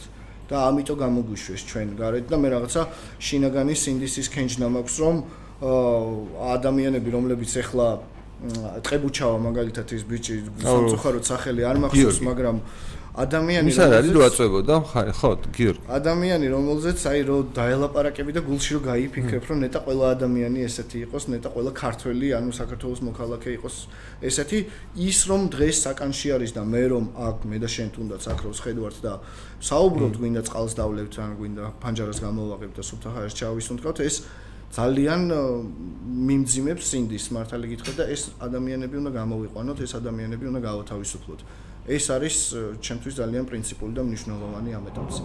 კაი, დიდი მადლობა. ეს იყო მოკლედ დღევანდელი ჩვენი თავისუფალი საუბარი კოტესთან ერთად. და ჩვენი თავარი თავარი ამბავი მაინც არის რომ ჩვენი მეგობრები ვითით რომ ჩვენზე ბევრად მდგომარეობაში არიან ყოველ შემთხვევაში რაღაც ნაწილი მათი და თავარი ჩვენი საზრუნავე არის რომ ეს ადამიანები დროზე გათავისუფლდნენ ციხიდან და ეს ისეთივე მნიშვნელოვანია და ჩემთვის არანაკლებ მნიშვნელოვანია ვიდრე გახარიას გადადგომა. ეს არის ჩემი ამბავი, თუმცა გახარია მაინც უნდა გადადგეს, იმიტომ რომ მისი ყოფრას მაინც აზრი არ აქვს. სამივე მოთხოვნა არის თანაბრად მნიშვნელოვანი ჩემთვის. გახარიას გადადგომაც, პროპორციული არჩევნების ჩატარებაც და პოლიტპატიმრების მე ანომერიდება ამ სიტყვის ამ ტერმინის ხსენება პოლიტპატიმრების გათავისუფლება. კი ბატონო. ჩვენ ჩვენი პრეფერენციები გვაქვს, მაგრამ საბოლოო ჯამში მაინც მოთხოვნებზე თანხდებით. დიდი მადლობა კოტე. პირიქით ძალიან დიდი მადლობა.